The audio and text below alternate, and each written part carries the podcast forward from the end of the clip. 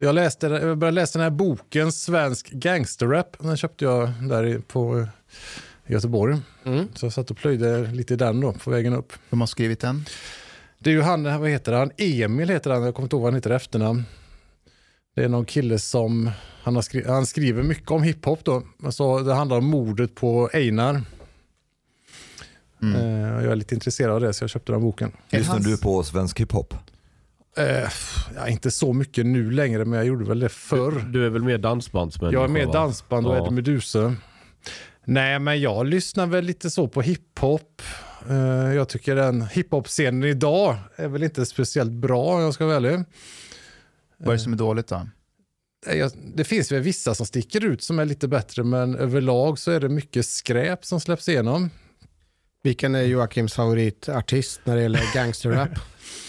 Menar internationellt eller svenskt? Nej, i Sverige tänkte jag. Ja, ja. Nu är vi Nej, patrioter. men jag, är ju så, jag, jag har ju alltid gillat, jag gillar ju musik med mycket energi, så jag, har ju alltid, jag gillar ju att lyssna på gangsterrap, hårdrock, punk, eh, lite all, ja, så, dödsmetall och lite allt möjligt sånt. Så, en jävla blandning. ja, nej, men jag har ju mycket, lyssnat mycket på Ice Cube för Ja, Ice Men- Cube. Jag brukade lyssna på Ice Cube också. Han är ju låtsas gangster. Ja, han har gått på college. men han ser häftig ut. Ah, är det sant? Ah.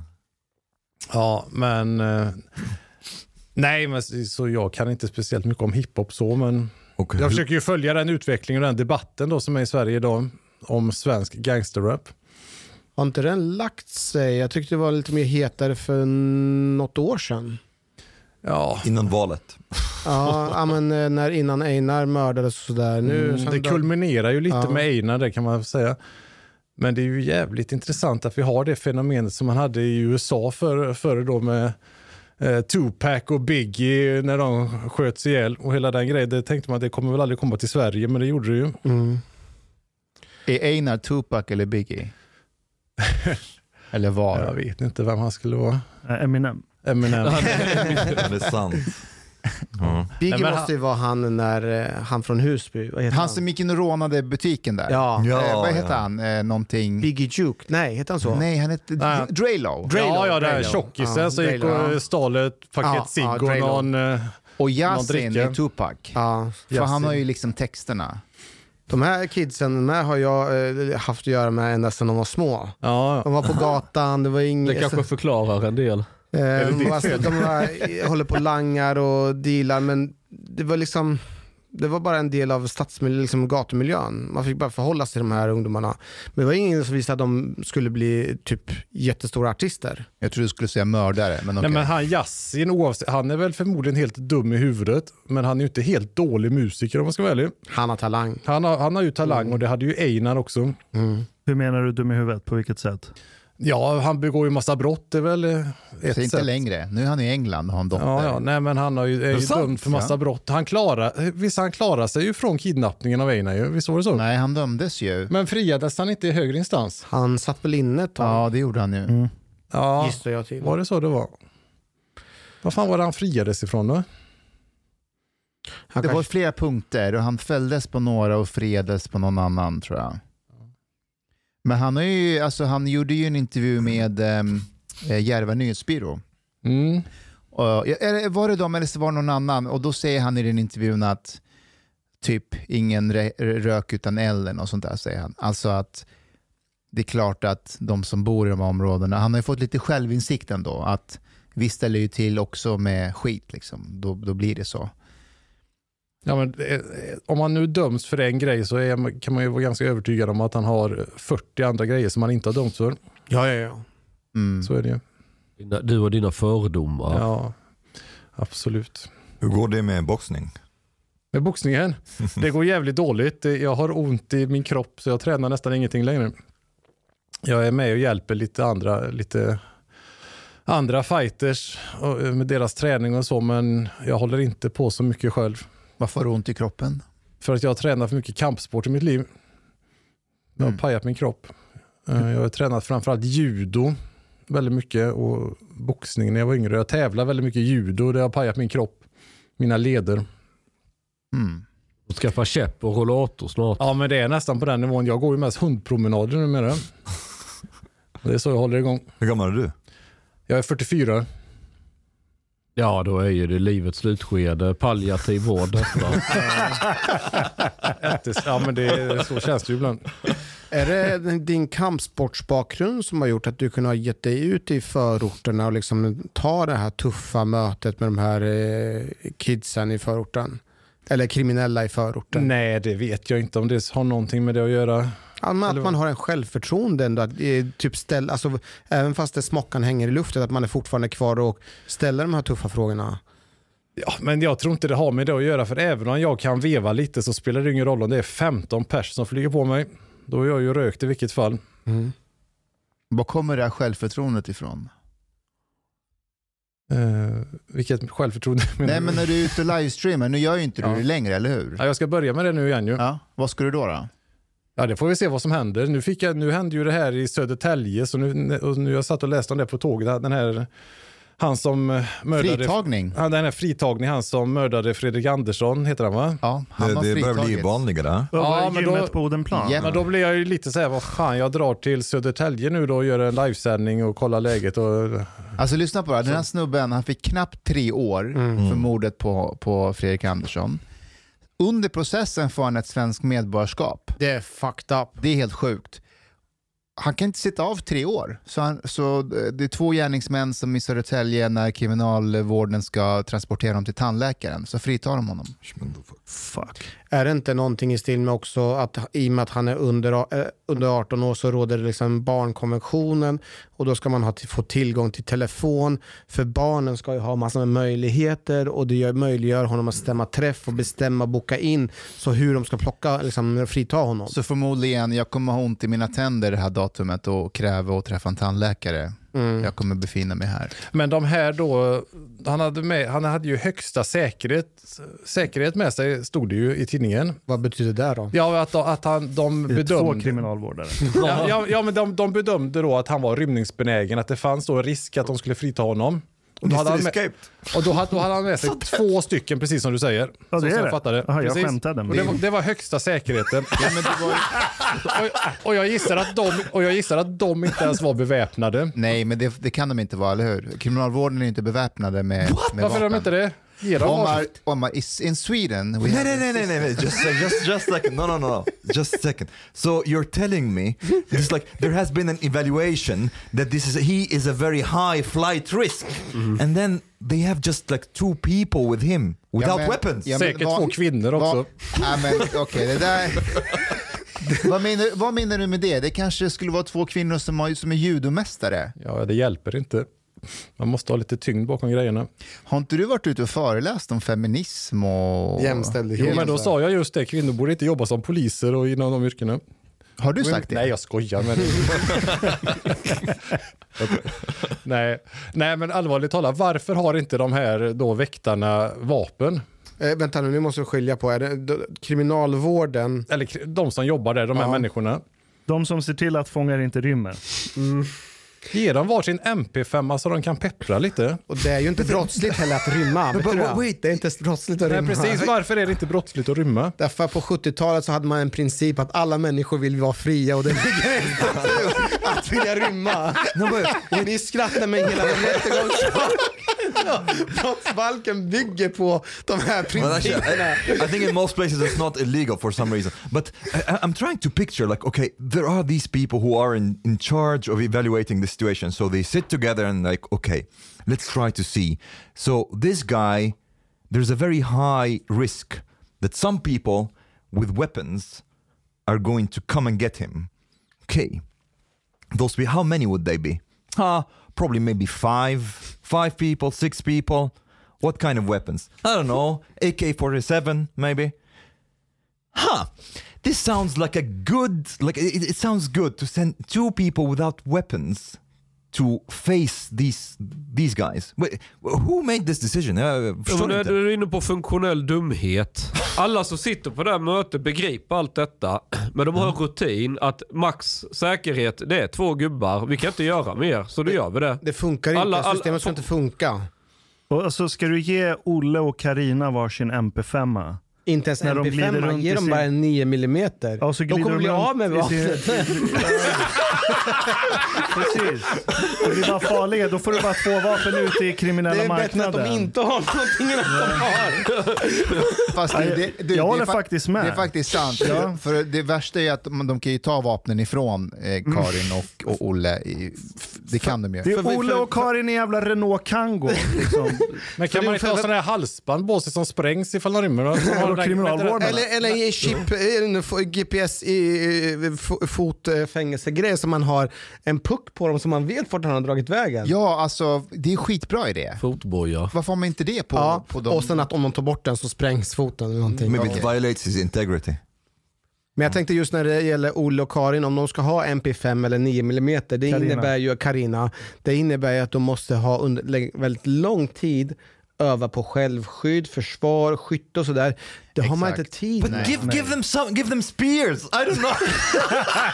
Då kommer de ju ja, då kommer de stå och, det där, och så bara skjuter de tillbaka. Och så. Something. Det är bäst att inte ge någonting alls. Joakim, så om du nu bestämmer dig för att åka till Södertälje, kan du berätta för mig hur, du, hur, går ett sånt, eh, hur går en sån resa till? Vad ska du göra liksom?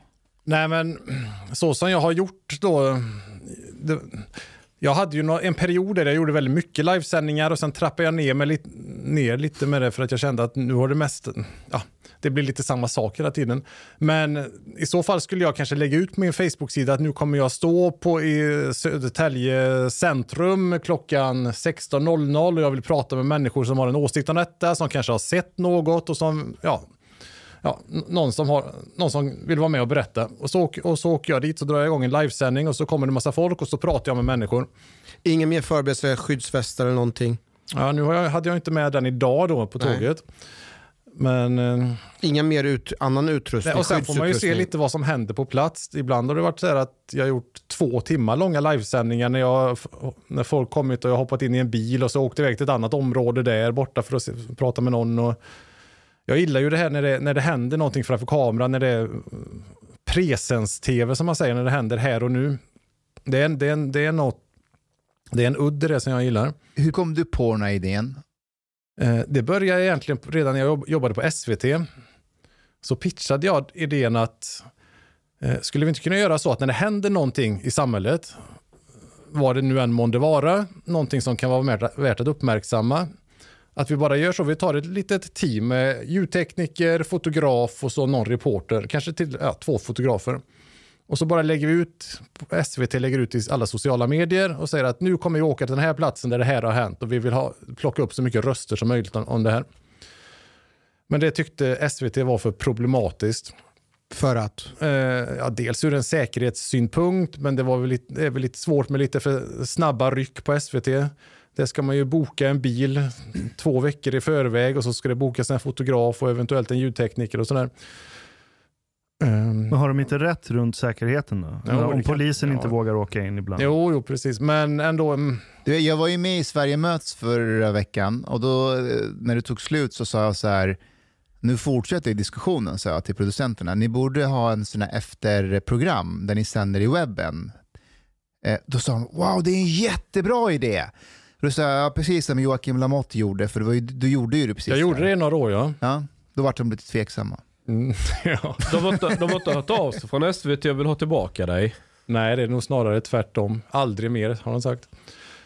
Men, men hur, hur många år var du på SVT? Eh, ja, vad är, var det nu? Var det 12, 13, något sånt där? Ja, och du började på, var det på UR? Du Jag var på UR först och sen var jag på SVT och jag har också varit lite på Sveriges Radio. Jag har ju aldrig varit fast anställd, men jag har nästan jobbat som jag har varit heltidsanställd. Mm. Hur hamnade du där? Vad var det som gick snett? Ja, vad var det som gick snett? Jag, Och hur lyckades du ta dig ur det? jag, jag hade ihop det med en tjej vars mamma var en chef. Va? Det har Är jag det så man kommer in om. på SVT? Så kommer man in på SVT. Mm. Så jag gick sängvägen kan man säga. Du låg med hennes mamma, eller vadå? Ja, och hennes pappa och syster. Och, Så du knullade dig in i SVT? ja, ja, precis. Men du, varför blev du journalist? Eh, ja, för jag är, engagerad, jag är intresserad av samhällsfrågor. Jag tycker det är knepigt. Eller jag, pff, det låter så jävla fjantigt. Brinner för orättvisor. Nej men vad fan. nej, nej, men, vad, nej, men jag, Gör du inte det, det finns väldigt mycket saker jag stör mig på. Och, så, och jag gillar den känslan. Jag tycker det är skönt att om, om man ser någonting som man tycker är fel så är det en väldigt skön känsla att kunna berätta om det eller kunna påvisa det på något sätt. Och det har jag väl alltid tyckt, så här, känt så sedan jag var liten. Jag hade, om det var något problem i skolan med lärare eller rektorer eller om det var på fotbollen eller fritiden eller någonting och jag upplevde att någon vuxen gjorde något fel så var jag alltid den som käftade emot och sa ifrån. Vilket inte alltid var så populärt men eh, så jag har nog haft med mig det lite från det att jag var liten. Vem var din inspiration till att bli så? För jag, jag tänker, det kan ju inte ha kommit från det tomma intet. Ja, men det kan det nog. Jag har inte haft någon inspirationskälla på det sättet.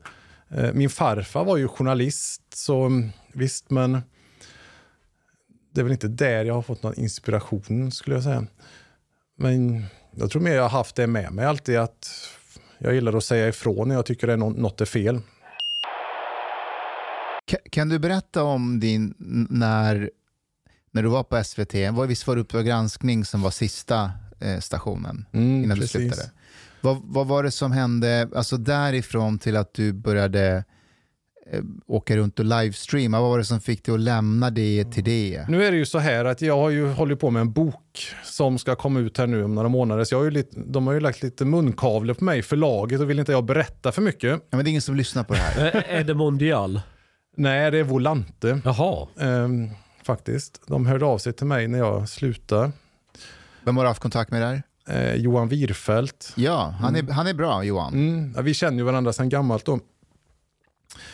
Eh, och, nej men så det, det är ju mycket, det, men det händer ju, så det är mycket det som jag, de inte vill att jag berättar innan boken kommer ut. Det är mycket om tiden på SVT och vad som ledde fram då till att jag slutade. Får jag bara ställa en annan? Oh, förlåt. Ja.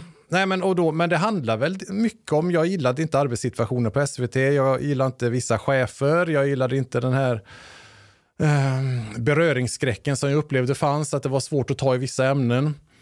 Eh, ja, så det var en kombination av mycket, många saker helt enkelt. Kände du dig motarbetad där? Absolut, men jag ville, jag ville, alltså, jag, jag ville ju känna mig fri. Och, och jag såg en möjlighet att få göra, att gå min egen väg då när, det var ju framförallt Facebook jag började med då. Och det fanns ju alla möjligheter. Det fanns, man kunde göra livesändningar, man kunde skriva, man kunde göra videoinlägg och så allting. Får jag bara ställa en fråga när det gäller Uppdrag granskning. Är inte det en väldigt hedervärd uppdrag att få jobba på eh, Uppdrag granskning? Att det är någonting som alla andra vill vara där? Jo, det, så är det väl.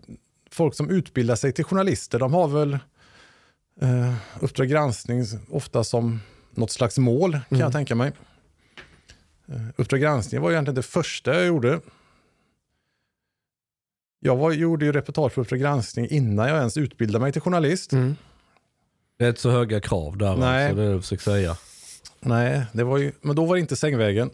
Nej. Men eh, Jag såg på det där reportaget om Grums. ja, det var ju det sista jag gjorde. Det var det sista. Ja. Eh, och där gjorde jag, jag gjorde en uppföljning där också. Det blev ju lite utskällt det reportaget. Du blev utskälld. Ja, Ja, de hatade i dig. Grums. Ja. Ja. de höll ju inte med om den här bilden. Det är första och enda gången folk varit arga på dig va? Ja. Kan ni, kan ni berätta lite vad, Jag vad var berättar det? om reportaget i Grums. Det var då jag ville göra, jag ville skildra det här, eh, om man nu, om man nu kan säga utanförskapet på landsbygden. Att människor flyttar därifrån. Eh, det, det blir hög arbets, arbetslöshet, mycket sociala problem. Eh, de som stannar kvar är oftast män. Kvinnor flyttar därifrån och utbildar sig och skaffar jobb på andra ställen. Eh, det är mycket droger. Ja, det, är, det, är en, det är ett slags utanförskap. Ska jag spela intro till den avsnittet? Det låter så här. Vi har skickat vår reporter Joakim Lamotte till Grums, några mil strax väster om Karlstad.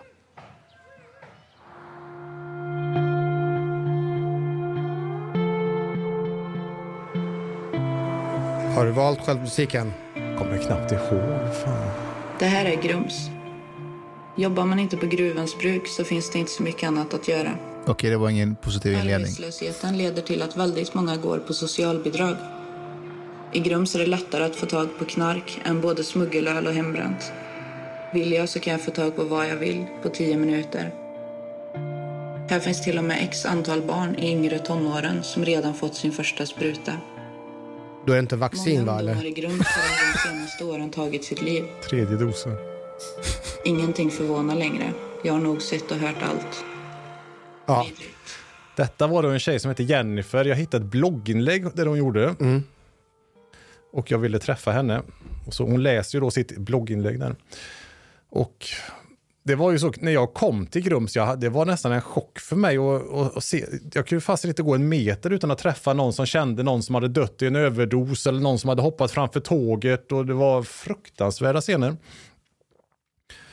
Så programmet blev ju väldigt mörkt.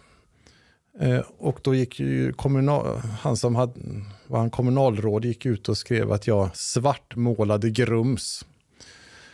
Och vart jag än har varit genom åren, om det har varit förorten eller landsbygden, så får jag ju ofta, ofta höra att jag svartmålar. Och, men det är ju knepigt om man är då, om man gör granskande reportage. Det blir ju inte att, det ligger ju i sakens natur att man inte gärna, man fokuserar kanske inte på det som går bra, utan man fokuserar på de problemen som finns. Men ändå, på Uppdrag granskning så är det ju så att man, vi diskuterar hela det reportaget att vi ska inte ge en för ensidig bild, vi måste ha positiva saker också då. Men det, var, det knepa var att det var så jävla svårt att hitta.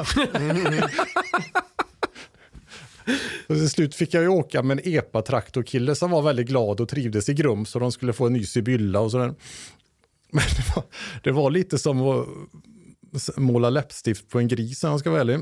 Det var inte helt, det var, alltså det var, det var mycket misär i Grums. Och det är det väl, jag vet inte hur det är nu, men det gick några år och sen fick det kommunalrådet, han gick nästan ut och bad om ursäkt för det. Ehm, För vad? Ja, för att det, efter jag var där så skedde det, då gick han ju ut och var arg på mig för jag svartmålade och så gick det några år och så blev det ännu värre.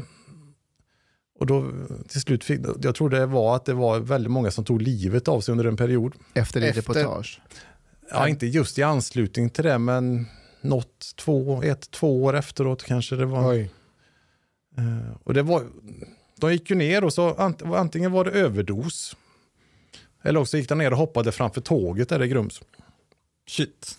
Och så jag träffade en pappa då vars son hade dött och det var massa. Nej, det var jävligt mörkt och det... eh, Jag måste fråga dig, när, ni, när det här reportaget, när, när, var, det du, var det du som fick idén? ja, Ja. Hur, hur, hur- pitchar man ett sånt reportage till Uppdrag granskning och de som ska godkänna den? Eh, hur man pitchar det då? Nej, men det gör man ju. Då skriver man ihop ett synopsis. Eh, och då får man ju ha gjort lite research innan. Man får ha med lite personer man vill intervjua. Och så säger de att ja, men det här tror vi kan bli någonting. Och så, men sen det är ju, i Uppdrag granskning är det ju en ganska lång process innan det blir ett färdigt reportage. Utan först då, har man, först då ska man pitcha idén. Är det Nils Hansson då man går till eller? Då var det det, nu är det ju inte det. Nej. Men då så, efter man har pitchat idén och då projektledaren sagt ja men det här kan vi försöka oss på så har man kanske tre, två, tre veckor på sig att göra lite mer research, eventuellt spela in något och sen har man ett möte till. Förlåt, en projektledare? Ja, producent. Ah, okay. Ja. Och eh, då, ta, efter några veckor då när man har det här mötet, uppföljningsmötet, så tas det då ett beslut om man ska fortsätta med det eller inte. Och sen är det några sådana möten längs med processen. Håller det, håller det eller ska vi lägga ner det? Eh, och de Uppdrag granskning så har de ju det här systemet line by line, har ni hört det? Ja, vi hade ju Peter Ljunggren här och han berättade ju om det. Lie by lie kan man säga också. Eh, jag minns... Va, va, Ja, men berätta om Nej, Line men by då- Line. innan någonting sänds ut i Uppdrag granskning så ska varenda stavelse vara kontrollerad så att allting går att beläggas. Alltså att allting man säger påstår är sant, varenda citat, varenda speakertext, varenda citat och varenda bildtext, allting, varenda ord ska då kunna beläggas och verifieras. Och jag tror det är den enda redaktionen i Sverige som har så noggrant systematik för det. Eh, Så Uppdrag granskning är, ja, det är ett bra ställe att vara på. Det är ett bra program, det är mycket begåvade människor som jobbar där. Eh, Så, eh, men ändå så kände jag att jag trivdes inte helt, helt hundra där. Det, För att? ja, men jag ville känna mig mer fri och göra vad jag ville.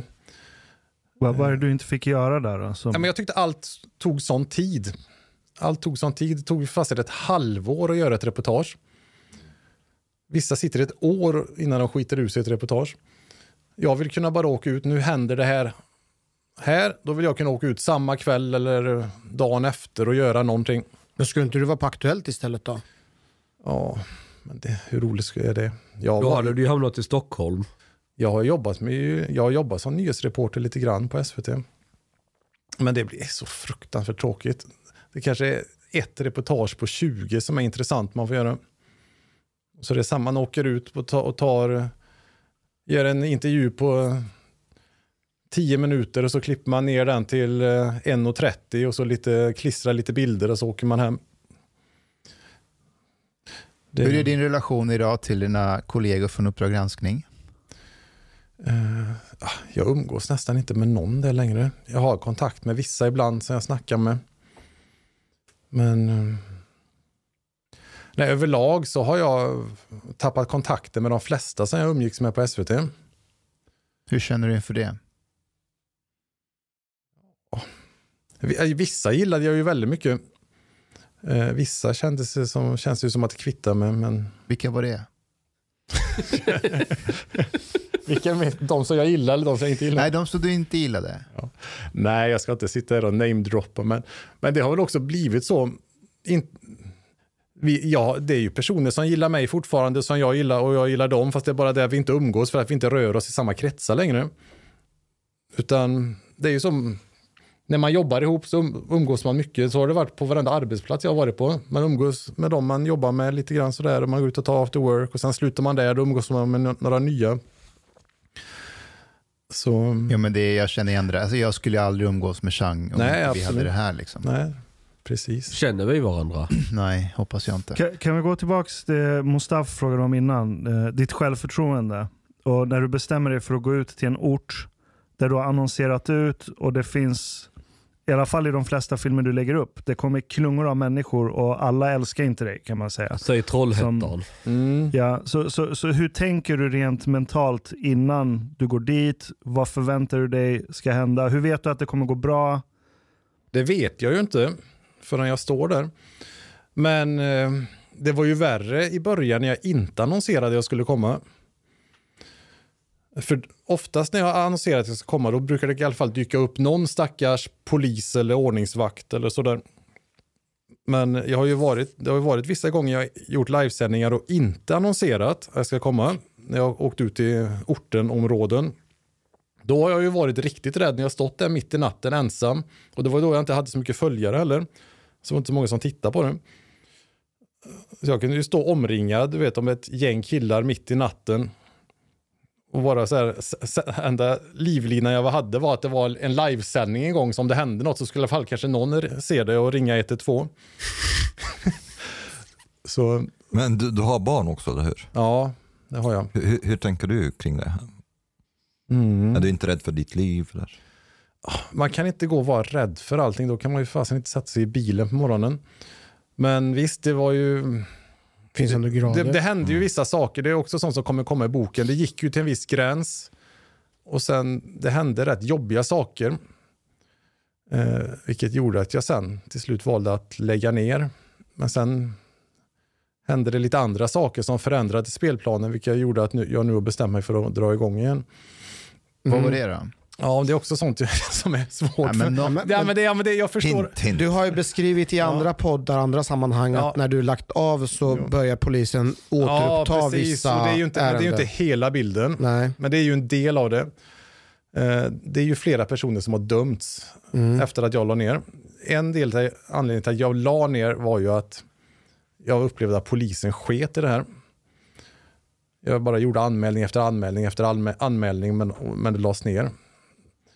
Men sen, efter, men sen efter att jag slutade så är det ju ett gäng personer som har dömts faktiskt. Och jag har haft eh, ja, jag har märkt att polisen har visat mer intresse för saker. De ringer mig från den här, det finns ju en avdelning inom polisen som jobbar med, vad heter det? Ops.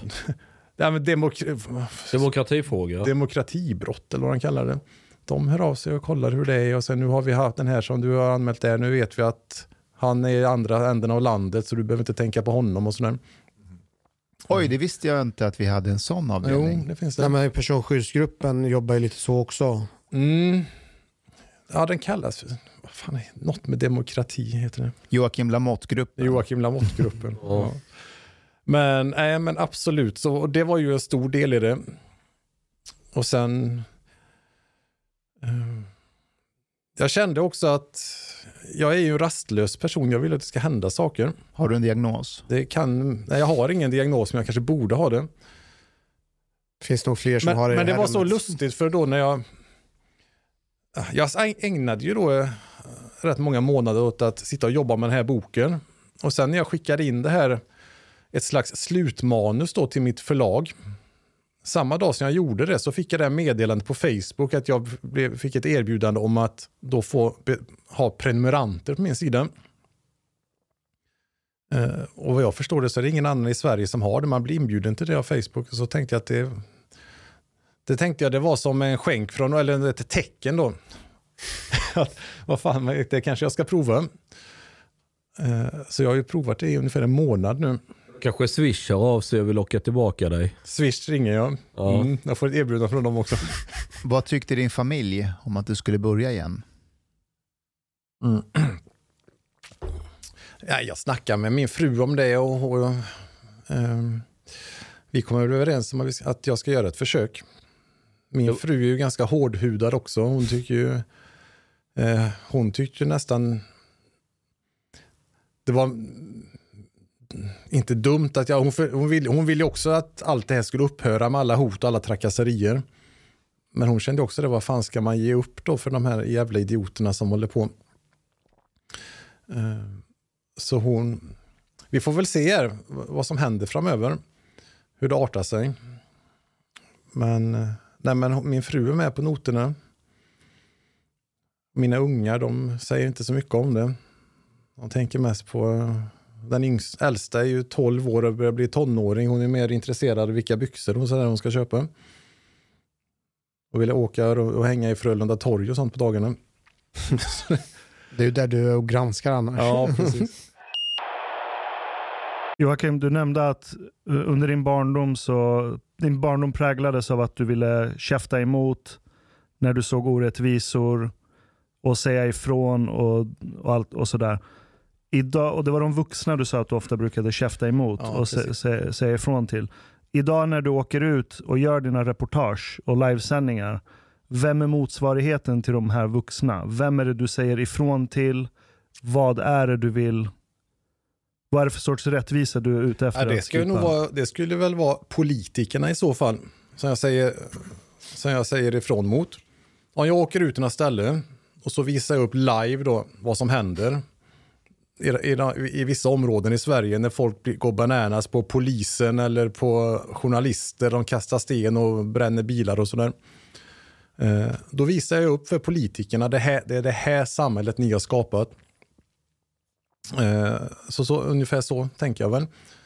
Och när jag visar upp det där live då finns det ingen som kan säga att ehm, så här är det inte, det här finns inte.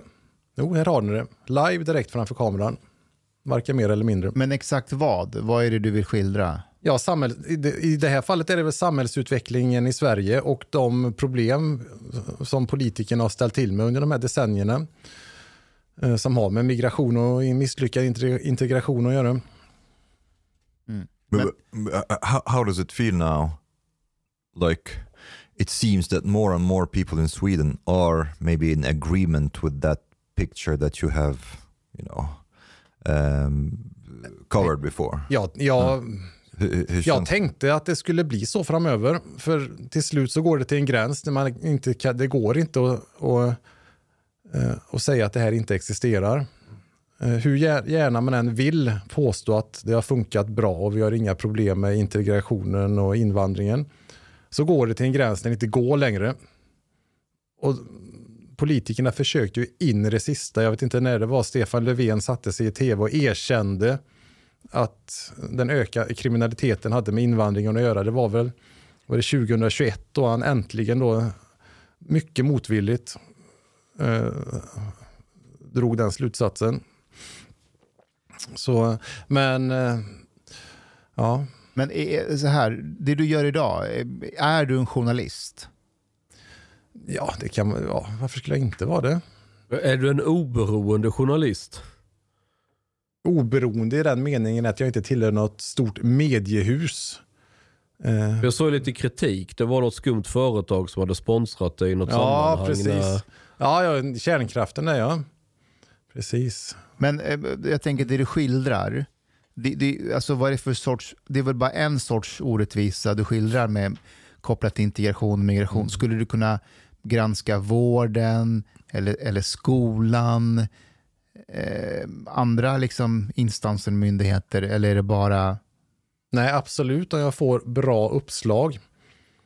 Eh, och, och jag har ju inte bara granskat integration och migration, utan jag har ju även gjort andra saker också.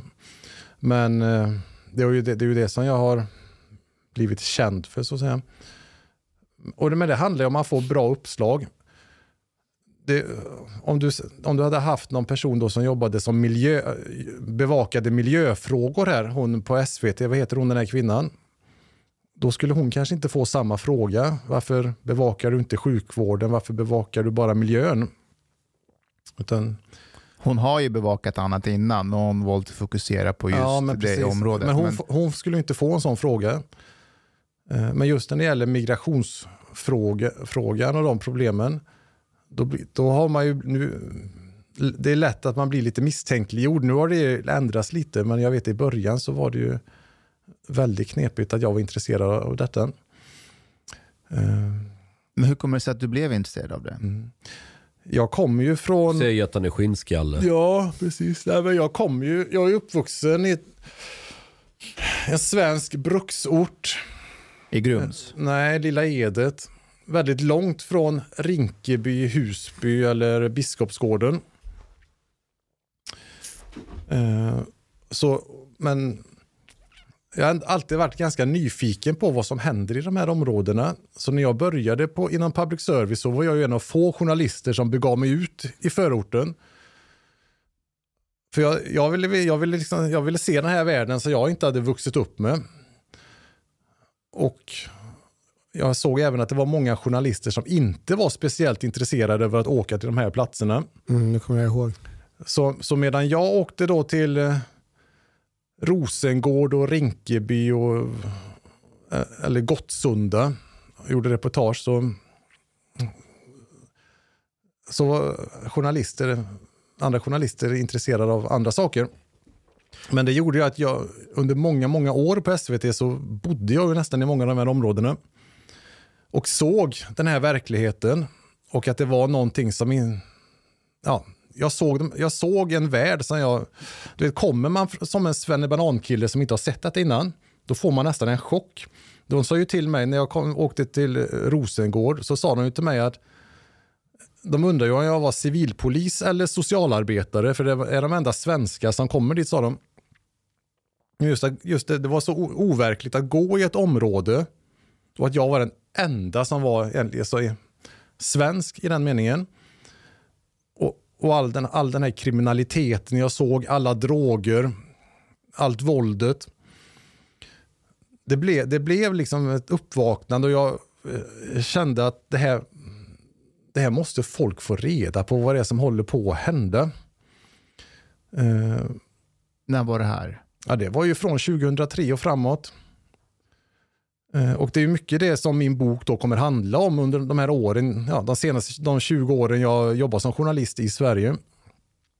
Jag stod ju till exempel i de första stora förortskravallerna då i Rosengård.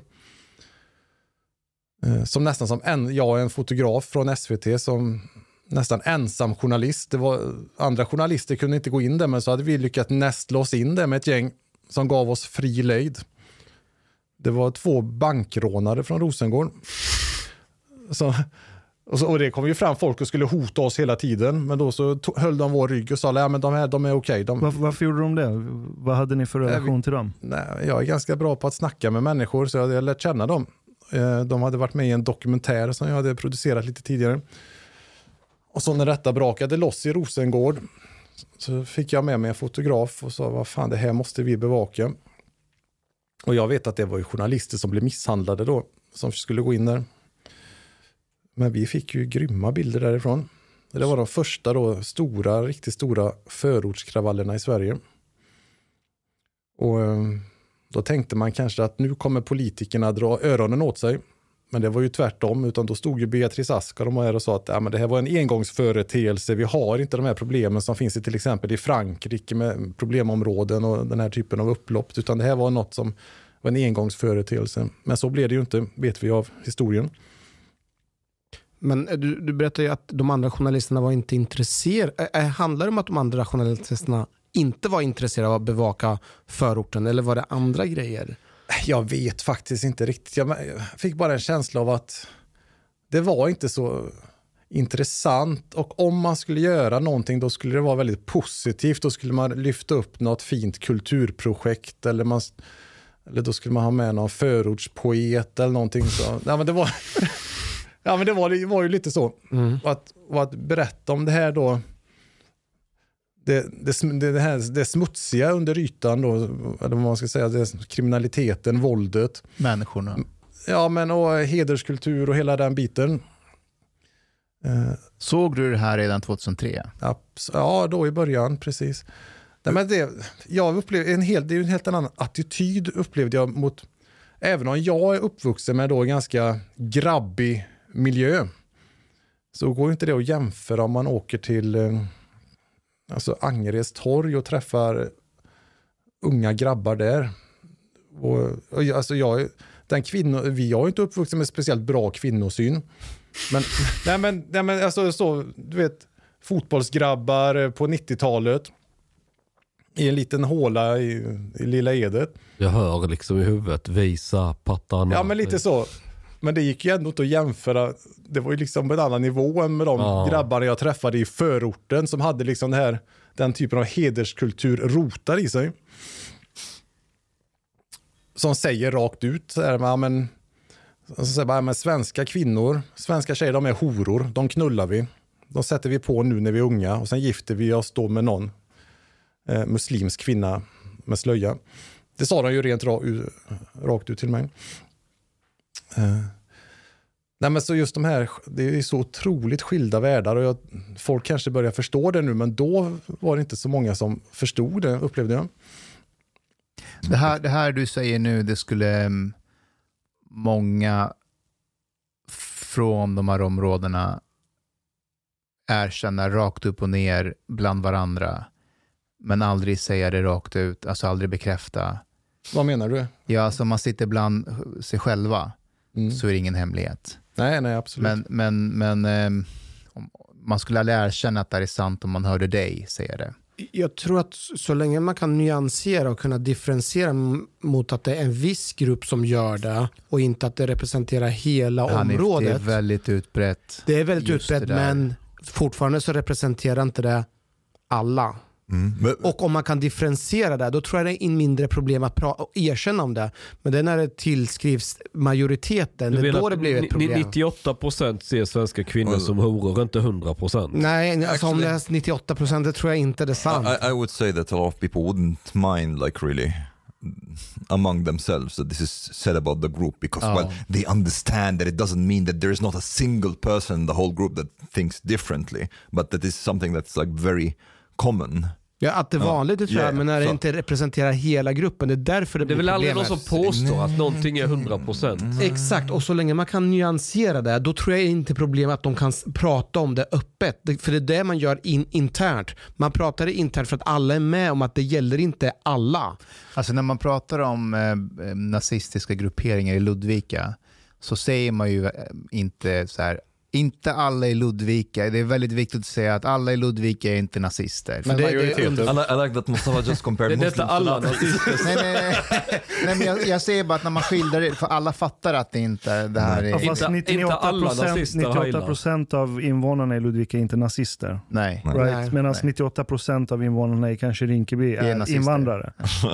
men, men det där var kutym när jag växte upp. Och det var ändå i Kista som inte var helt... Det var 50-50 svenskar invandrare. Det var kutym när vi växte upp. Att svenska tjejer, de har man sex med och sånt, men man gifter sig med en ordentlig invandrarkvinna. Jag tänkte jag skulle göra likadant, ha sex med svenska tjejer och gifta mig med muslimsk kvinna som stod hemma vid spisen. Det men det, det, du får inte gifta sig med en muslimsk kvinna. Det är bara, de gifter sig bara med muslimer. Jag kan väl konvertera. Aha. Uh, will, will you circumcise Okej, det, där, det, det där kan man nyans. Det där är ju inte alls sant. Man kan gifta sig med en muslimsk kvinna utan att Vilket, vara muslim. vilket arabiskt land. va, va, va, vad pratar du om? Så du menar att det finns, det finns ingen muslimsk kvinna i Sverige som identifierar sig som muslim? Enligt islam, enligt islam, det, enligt du får inte... islam, enligt Ja. deras tolkning av islam. Det finns, vilken tolkning? Det, det står i Koranen, vilken Vad, tolkning? vad snackar du? menar, du, du menar att det finns bosnier, bosniska kvinnor där De, ute? om de skiter i det, det är, Ja, de- det är någonting. exakt, de ja, ja. de är de kan skita i det. De är ändå muslimer. muslimer. ja, ja, de kan skita i det. Det, But- det är precis sånt här som gör att men det nej, blir nej, så vänta, jävla vänta, vänta, vänta. Det, dåligt. finns, det, fin, nej, nej, det finns muslimer som har sex utan äktenskap till exempel. Ja. Så de, De de, flesta. de, de, 98 de är, de är inte riktiga muslimer. Nej, de är riktiga muslimer men de tycker inte att det är halal enligt islam. De bara skiter i det. Det är en stor Alltså Omar, nu skillnad. tänker du på äh, en här, muslimsk kvinna som har hijab. Ja, hon kommer inte gifta sig med en icke-muslim. Och Men, men alla bosnier, är de inte muslimer? De har sex också utan äktenskap. ja, och de gifter sig med svenskar. Ja. Men är Men inte de muslimer? this is- Yes, they are. Okej. And if they have sex, they are still Mus- uh, without uh, marriage. They're still Muslim. If they drink alcohol, they are still Muslim as well. But that does not mean that they suddenly think alcohol is halal to drink, eller uh, or, or like to have sex. Jo. Uh, Jo, nej, nej, det nej, gör nej. de. Nej, nej, nej, nej, nej. Det- det är Okay, där- det är där du tappar alltid very, mig. Nej, nej, nej. This is a very common misunderstanding that you that you look at the behavior of some people. Uh, and just judging by the behavior, they, you think Jag tror that det var det all- vi skulle vänta. göra i ett, i ett nej, nej, vänta, vänta, vänta. fritt You, samhälle. nej, that you think that everything they do it means that they think is permissible in their religion. Because, then you don't even have a concept of Jag sin. vet, jo, jag vet skitmånga bosniska muslimer som säger att nej, men det där skrevs på den tiden, det är Exakt. tolkningar. Vi är muslimer, vi dricker ibland, vi, men vi, vi är snälla, vi, vi följer de här lagarna. Again, this, yeah, it's a generalization. This doesn't mean that there is like no single person that doesn't think in this way. Inte but I'm, I'm talking about the group in general. They, come on, like, uh, are you guys really trying to say that Muslims, generally speaking, think alcohol is halal? This is what you're Nej, trying men, det, to say. men i diskussionen med? Lamotte, i Nej. diskussionen med Lamotte, Nej, kan, en- jag- Lamotte jag- kan väl gifta sig med en muslimsk kvinna? En bosnisk kvinna som dricker alkohol och har sex med Lamotte. Men- Det låter perfekt. Och, och kommer inte hon kunna kalla sig... Jag, jag har aldrig, jag har aldrig sett Joakim skratta så Och hon kommer kunna... Okej. Du har lyssnat så här långt. På sista måltid. En mycket fin radioprogram i Sverige. Du tycker det är mycket trevligt. Men, min vän, lyssna på mig nu. Du har inte betalat biljett på klubzista moltit. måltid. De har dom grabbarna de behöver pengar. Flis. Lax. Stolar. Dyra bilar. Lyxhotel. Du vet. Måste du betala om du ska lyssna mer. Du får gaflera wsnit avsnitt också. biudande, heltenkelt helt. Läs i beskrivning för avsnitt, där det finns information för att bli medlem på klubb Sista Måltid. Det kostar som en mycket liten kaffe latte ute på torget. Per månad. Lätt som en plätt. Tak, min vän.